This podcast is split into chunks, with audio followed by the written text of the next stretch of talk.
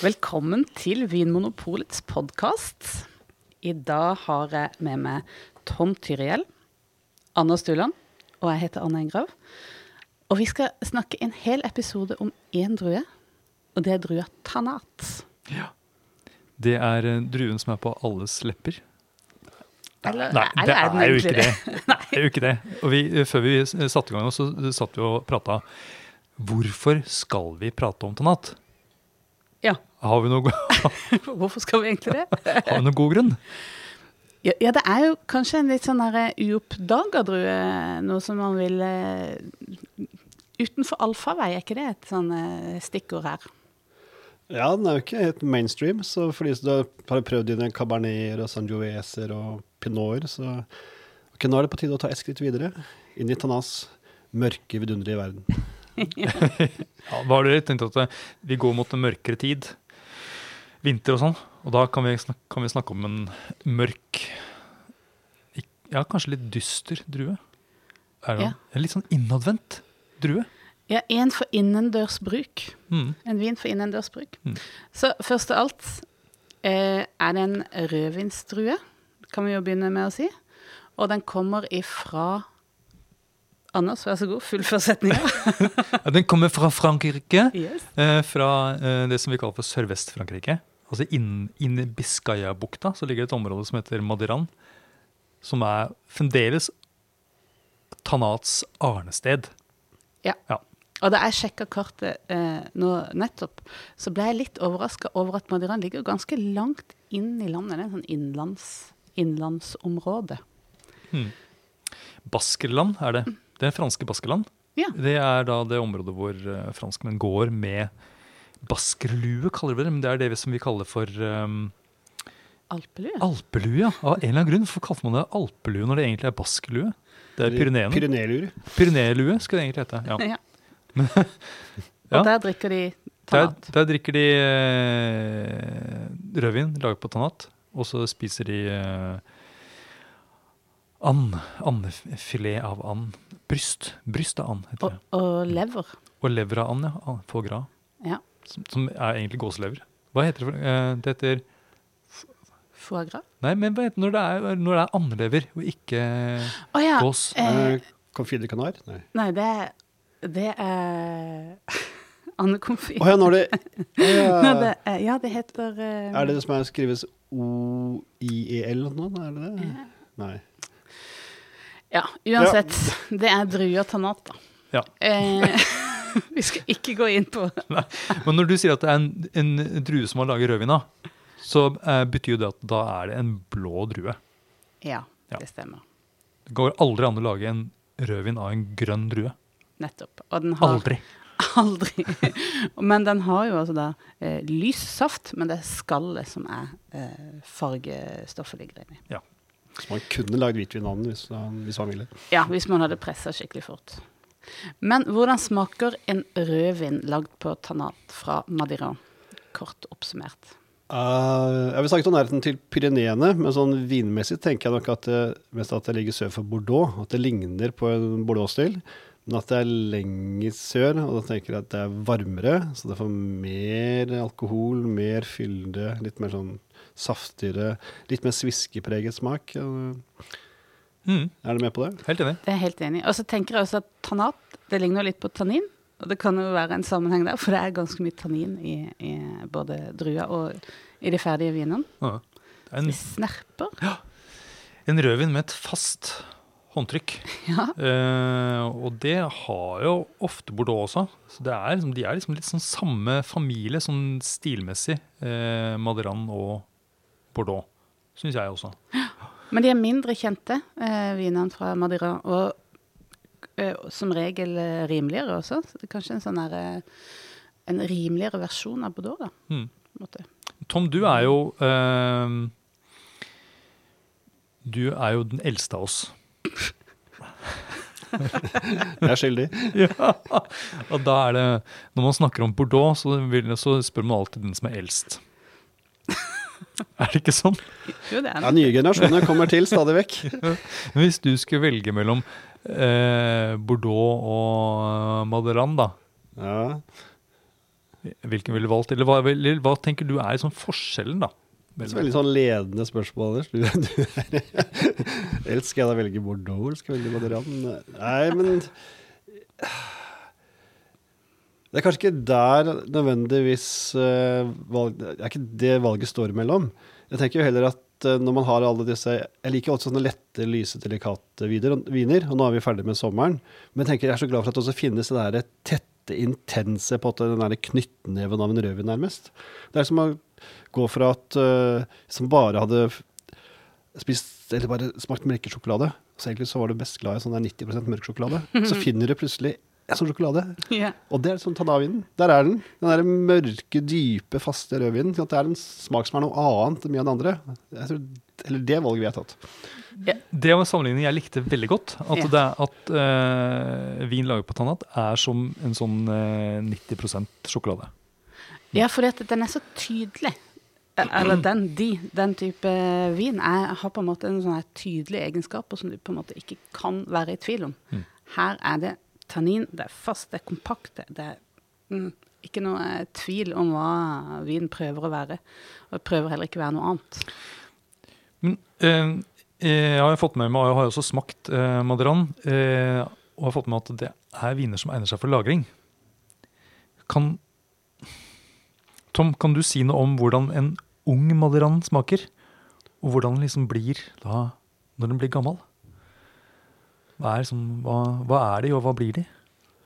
Og jeg tenker at det er noe det samme med at de går jo fra de bærtingene til disse her tørkede kryddertingene. Men jeg føler kanskje fordi den er så kompakt, så er det som en sånt eh, mørkt isfjell alltid, som siger veldig sånn sakte frem i vannet. Den, den, den utvikler seg senere også, så får du sant, den, den kjernen gir ikke så tette, mørke kjernen gir ikke så fort slipp. Men så kommer det et sånt tynn, liten eh, hinne på en måte, av noe sånn der litt modent etter hvert. da. Så jeg, de holder seg lenge, kanskje fordi, fordi de utvikler seg så sakte. Mm. Ja. Det er, så det er, egner seg egentlig veldig godt hvis man skal legge vekk en vin. Så er det jo en god Den vin. holder lenger, men Ja. hvis du gjerne vil ha disse utviklingstonene veldig fort, så må du ha veldig mye tålmodighet da, og vente lenge Mm. på dem. Så de, og så har du den fordelen at du, hvis du vil at vinen skal være mest mulig lik som den er når du kjøper den, så kan du la den ligge veldig lenge. Ja.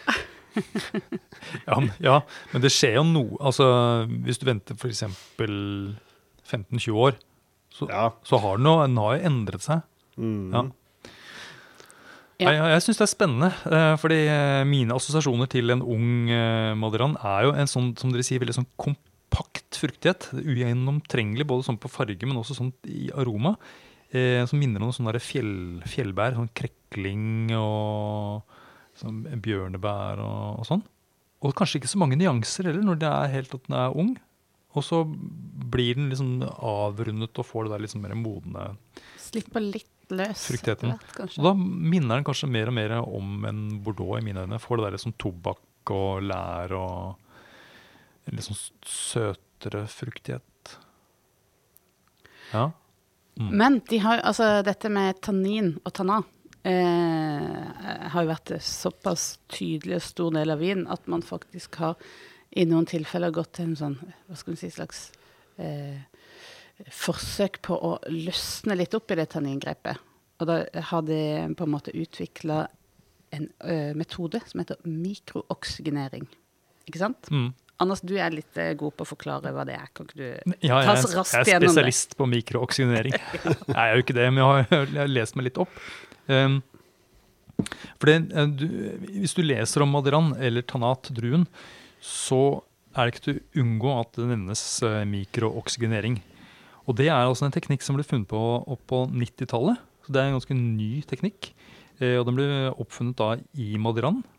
Eh, og det de gjør, er også rett og slett bare tilføre ørsmå mengder med oksygen til enten den gjærende vinen eller da under modningen av vinen. Da. Og i Malerans tilfelle så er det ofte da i, etter at gjæringen er ferdig, mens vinen ligger da enten på en tank eller på et fat, så ligger det da en slange med inn i fatet.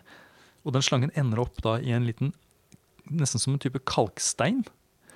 Og ut av den kalksteina så pipler det bitte, bitte små bobler med oksygen, som da reagerer med vinen over veldig veldig lang tid. Så dette kan foregå der som fire til åtte måneder, hvor når oksygen pipler ut i vinen.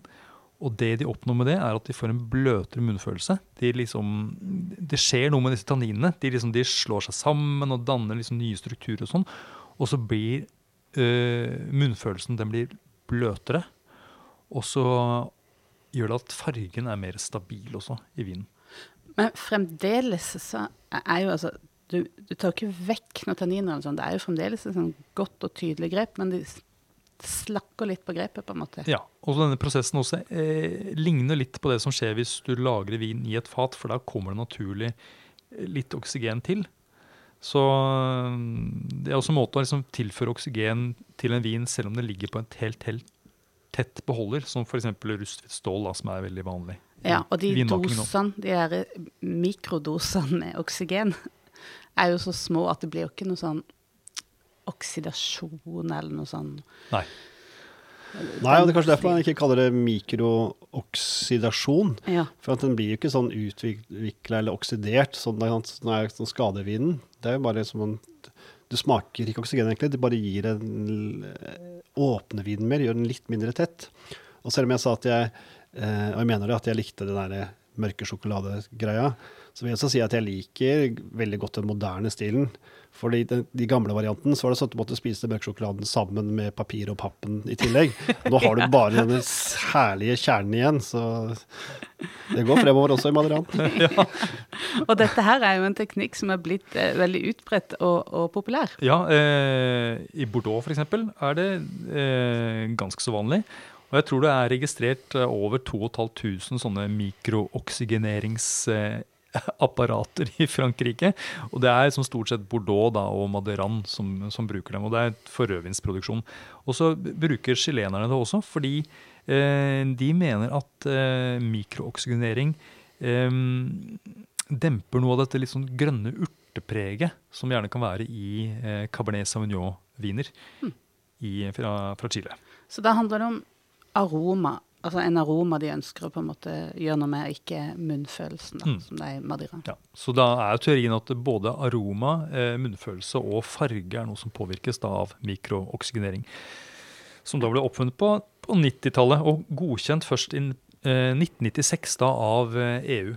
Nettopp. Jeg syns det er litt morsomt at det er litt sånne moderne teknikker som har som, eh, kommet til. Jeg ser for meg at eh, I kjelleren, en gammel kjeller i Maderan så sto da en ung vinmaker og eksperimenterte med mikrooksinering mens han hørte på U2 og REM i bakgrunnen.